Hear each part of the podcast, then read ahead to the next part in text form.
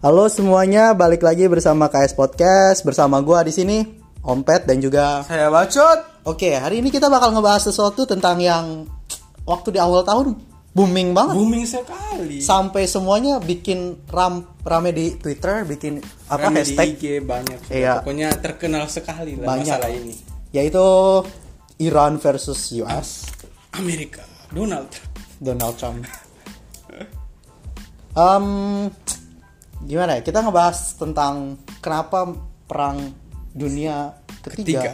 bisa mem- ter- Ada apa- kemungkinan ada- terjadi gara-gara masalah antara tapi menurut gua ini. enggak sih.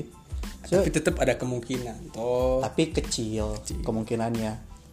Kayak kita mu- dimulai dengan kalian sebenarnya mungkin udah tahu masalah eh, kenapa Iran ngotot pengen perang dengan Amerika ya karena Jenderal Soleimani tewas dibunuh oleh drone. oleh drone yang diserang langsung saat di Baghdad di Irak. Ya ada santai-santai dengan mobil ya, tiba-tiba ditembak, ditem, ditembak gitu. Iya, eh, menurut gue sih ini paling parah sih dari kebijakan Donald Trump karena em, Soleimani dibunuh bukan di Iran tapi di Irak. Otomatis kan itu jadi konstitusi Irak.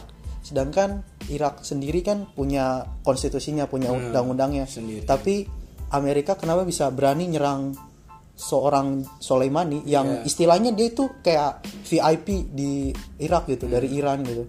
Tapi ditembak dan itu menurut gue sebuah blunder. Ya, yang dilakukan besar. Donald Trump gitu atas alasan yang bahkan tidak Masuk akal. mendasar gitu atas dasar apa sebenarnya orang ini Dibilang teroris, bukan ini jenderal loh ini jenderal bukan teroris. bukan teroris Tapi gue jadi inget tweet yang Donald Trump bilang katanya eh, Barack Obama bakal nyerang bikin Iran iya dan akan terjadi World War 3 ternyata supaya bisa menang pemilu. Ternyata apa yang dia bilang ya dia lakukan. Tapi versi dia. versi dia menarik ya. Terus em, setelah kejadian Soleimani dibunuh itu sama Iran, ada Iran lalu menaikkan sebuah bendera merah dan melakukan masa berkabung selama tiga hari sampai pemakaman, ya kan? Itu juga benar-benar sampai warga Iran turun ke jalan, penuhin semua sudut kota. Dan menurut gue itu keren banget sih, lebih keren daripada kejadian di Monas. ah dua satu ah. Ah, ya, apa sih? Dan terus juga Donald Trump dapat kecaman nih, cowok dari negara-negara superpower seperti Cina, Rusia, Inggris dan juga Prancis. Katanya sih ini sesuatu hal yang blunder ya, Iya, yang dilakukan oleh Amerika. Kesalahan terbesar bukan Amerika sih lebih tepatnya yang dilakukan oleh Presiden Donald Trump ya, dalam dekade ini. Ya.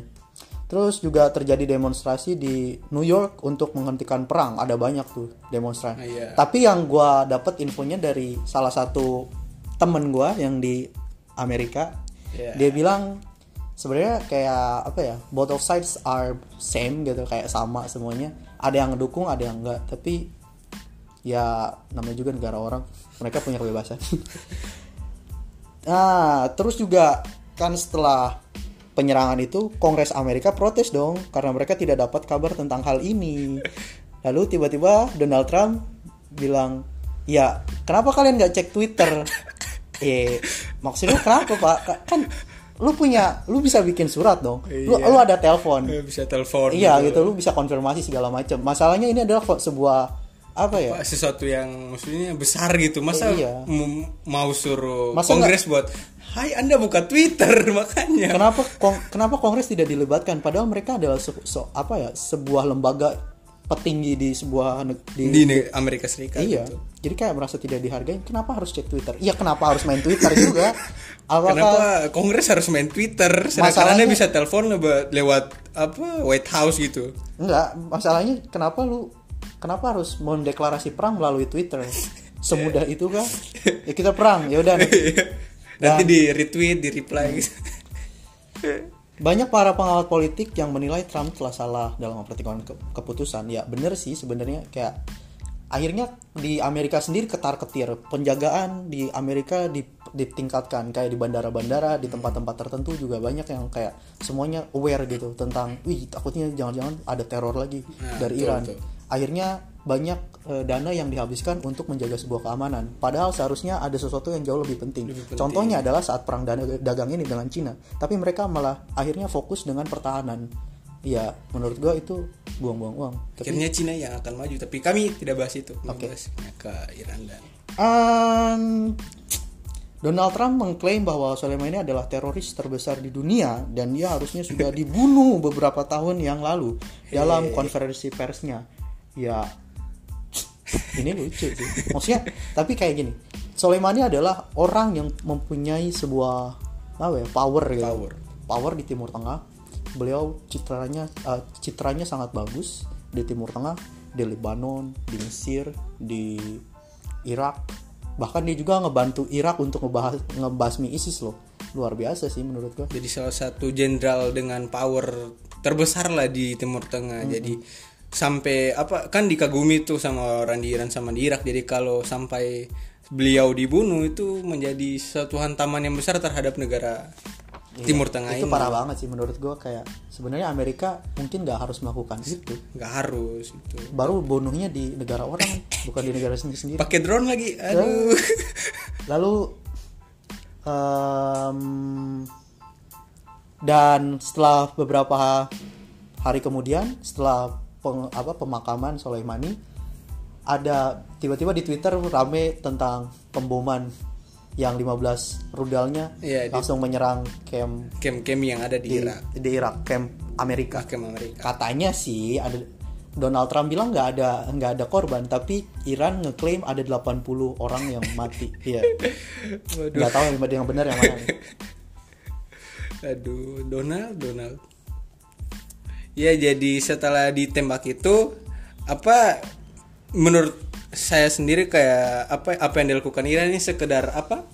Em, hal yang bilang kayak kami tidak takut kepada Amerika, kami tetap akan melakukan balas dendam sekedar kayak membuktikan bahwa ucapan mereka benar gitu kayak ada kami ada tindakan atas ucapan yang telah di apa diucapkan oleh Ira- Iran bahwa kami akan balas dendam terhadap apa yang dilakukan Donald Trump terhadap Jenderal Soleimani daripada mereka cuma ngebacot doang gitu kayak kami bakal balas dendam tapi akhirnya cuma diam-diam saja. tapi gue pernah baca se- seorang pengamat siapa ya lupa ya dia bilang katanya eh, kayaknya Irak nggak bakalan nyerang langsung Amerika tapi dia cuma kayak ngasih ngasih apa ya ngasih oh ya kayak ngasih gertakan ya, lah. kasih gertak saya bawa. Bahwa- Itu bisa serang su kapan saja gitu. mereka itu nggak takut dengan Amerika tapi yang masalahnya mereka juga kayak gimana ya masih menjaga-jaga gitu kayak Jaga-jaga. jangan sampai perang itu terjadi karena mereka juga masih negara yang bisa dikatakan cukup miskin karena terlalu banyak eh, Teroris. terlalu bukan teroris kebanyakan terlalu terlalu banyak ini apa maksudnya em, Masalah-masalah mungkin tahu. apa sanksi ekonomi dari beberapa negara. Contohnya Amerika juga kemarin ngejatuhin ekon- sanksi ekonomi baru. Padahal yang nyerang Amerika, lalu tiba-tiba Amerika ngasih sanksi. Yang seharusnya ngasih sanksi itu Iran.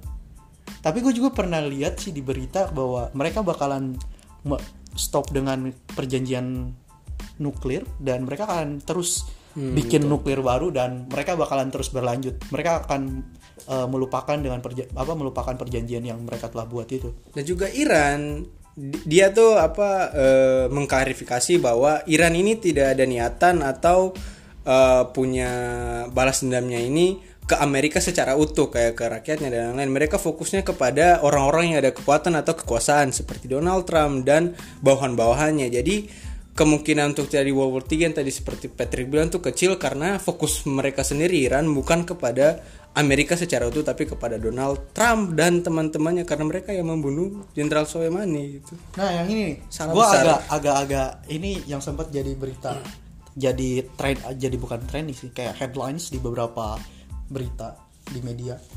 Eh, Trump meminta agar pasukan yang militer di sana untuk militer di Irak untuk tetap di sana. Sedangkan Jenderal Marinir memerintahkan semua pasukan AIS untuk menarik diri karena terjadi karena ada karena ada ketakutan untuk takutnya jangan sampai militer mereka diserang habis-habisan oleh Iran. Tapi ya Trump nggak mau bersikeras bahwa Iya, bahwa harus, harus tinggal. mereka harus tinggal karena Kita harus mereka, berani. mereka harus menjaga mereka harus tetap di sana agar menjaga Irak untuk Hmm. membasmi ISIS. Lalu terjadilah ketegangan antara Trump dan juga pihak militer dari Pentagon sendiri. Trump bikin hal yang sesuatu yang aneh. Eh, Donald, Donald. terus ada lagi yang yang bikin gua kayak ngakak nih. dalam peperangan Iran terhadap dua markas militer AS di Irak tidak ada korban jiwa. Tentu yang tadi yang tadi eh, Iya. diklaim Amerika memang tidak ada korban jiwa. Tapi Iran klaim ada 80 orang yang mati. Lalu eh, tiba-tiba AS mau jatuhkan sanksi tambahan, sanksi ekonomi yang seperti tadi gue bilang dan tiba-tiba setelah itu AS atau Trump ngajak berdamai untuk berantas ISIS di Irak ngajak setelah kayak gimana ya lu bunuh jenderal terus kayak "Ah, saya sudah bunuh jenderal anda tapi mari kita damai. Semudah itu mengajakkan mengibarkan bendera putih. iya. Donald Donald. Dan menurut gue itu kayak tidak masuk akal. Tapi beberapa hari yang lalu juga setelah ini setelah hal itu oh iya. terjadi beberapa pesawat Boeing 737 yang menuju ke Kiev di Ukraina, di tujuan em, Bahrain eh Bah- Bahrain dari Iran Iya, dari tiba-tiba jatuh setelah lepas landas katanya sih gue dengar-dengar itu dijatuhkan oleh Iran sendiri Iran. Tapi se apa sebelumnya Iran bilang bahwa pesa- pesawat dari yang mau menuju Uk- Ukraina ini jatuh gara-gara kegagalan mesin. Habis itu ada ide ada ada ke klaim lainnya kayak bahwa tidak tidak jatuh karena mesin itu kami salah tembak saja. Eh bukan gimana? karena katanya kegagalan mesin tapi ternyata Ten ditembak. Aduh. itu juga masih masih asumsi belum pasti juga tapi Iran sendiri bilang katanya black box tak akan diserahkan pada AS atau pihak Boeing karena antek-antek Amerika Iya, iya. Yahudi mungkin mereka pikir nanti kayaknya akan ada Dimanipulasi propaganda yang manipulasi. Itu yang merugikan eh, untuk Iran sendiri. Dan ternyata ya faktanya tapi korbannya kebanyakan dari Ukraina dan Iran. 80 ya, kat- katanya ada 160 penumpang. 87 warga Iran. Dan sisanya adalah warga Ukraina. Hmm. sampai Ukraina juga dia diem nggak ngasih tanggapan apa apa benar Kami takut masuk perang. ya menurut lo Jod bakalan terjadi perang dunia nggak kalau misalnya Amerika dengan Iran Em, kalau kita lihat dari apa klaim dari Iran atau klaim dari Me- Amerika Serikat sendiri bahwa mereka sedang mencoba bahwa damailah gitu daripada nanti kehancuran lagi seperti perang dunia kedua lebih baik damai. Ya kalau kemungkinan terjadi mungkin tidak karena dari klaim Iran sendiri bahwa mereka tidak ada dia tidak ada niatan balas dendam ke Amerika secara utuh. Mereka hanya cuma mau balas dendam kepada Donald Trump dan bawahan petinggi-petingginya. Petinggi-petinggi situ. Jadi kemungkinan itu terjadi itu kecil. kecil. tapi kalau menurut gue sih mungkin ada kemungkinan bisa jadi. Kecuali kalau memang Iran nyerang kayak negara-negara contohnya Israel atau juga pangkalan-pangkalan militer yang ada di eh, Timur Tengah itu bisa jadi karena kan Amerika adalah salah satu anggota dari NATO kan NATO kan ada beberapa negara dan di NATO itu ada satu perjanjiannya bahwa setiap setiap anggota NATO jika terlibat perang maka yang lain seluruh anggota NATO akan ikut bergabung dan menyerang balik negara itu ya. Kebersamaan ya. kebersamaan joy of sharing. Tapi terlepas dari itu sih menurut gue ini masih jauh sih masalahnya karena Iya. eh, kenapa gue bilang jauh? Karena memang yang terlibat langsung bukan kayak negara-negara superpower kayak Cina ataupun Rusia. Mereka berdua cuman cukup diam mungkin manas-manasin Iran. Eh eh, lu serang serang serang, serang. tapi gue nggak tahu kan di belakangnya. Tapi ya kalau misalnya itu terjadi antara Rusia atau Cina terhadap Cina ya perang akan terjadi bisa saja Pasti. terjadi dan Korea Utara mungkin ya akhirnya nuklir gue keluar Kami sudah menunggu-nunggu sejak lama. Terima Akhirnya kasih loh. kembang apiku keluar dan menurut gue itu bakalan parah sih kalau misalnya terjadi perang di Timur Tengah itu imbasnya bakalan eh, yang di mana minyak bumi nanti hancur apa minyak bumi itu nanti harga minyak bumi jadi Ya, naik terus krisis ekonomi di mana-mana krisis krisis global, Terus Indonesia ngebacot. Nah, dan Indonesia ya cuma bisa karena non blok ya kita cuma bisa netral dan Kami tidak memihak tapi tidak memihak tapi support bantuan melalui sosial media. Iya. Ya menurut gua itu aja lah. Karena ini bahas ini kayak agak agak ini sih agak agak berat kita tuh pengen ngebahasnya lebih sih cuman kami takut dipersekusi Iya.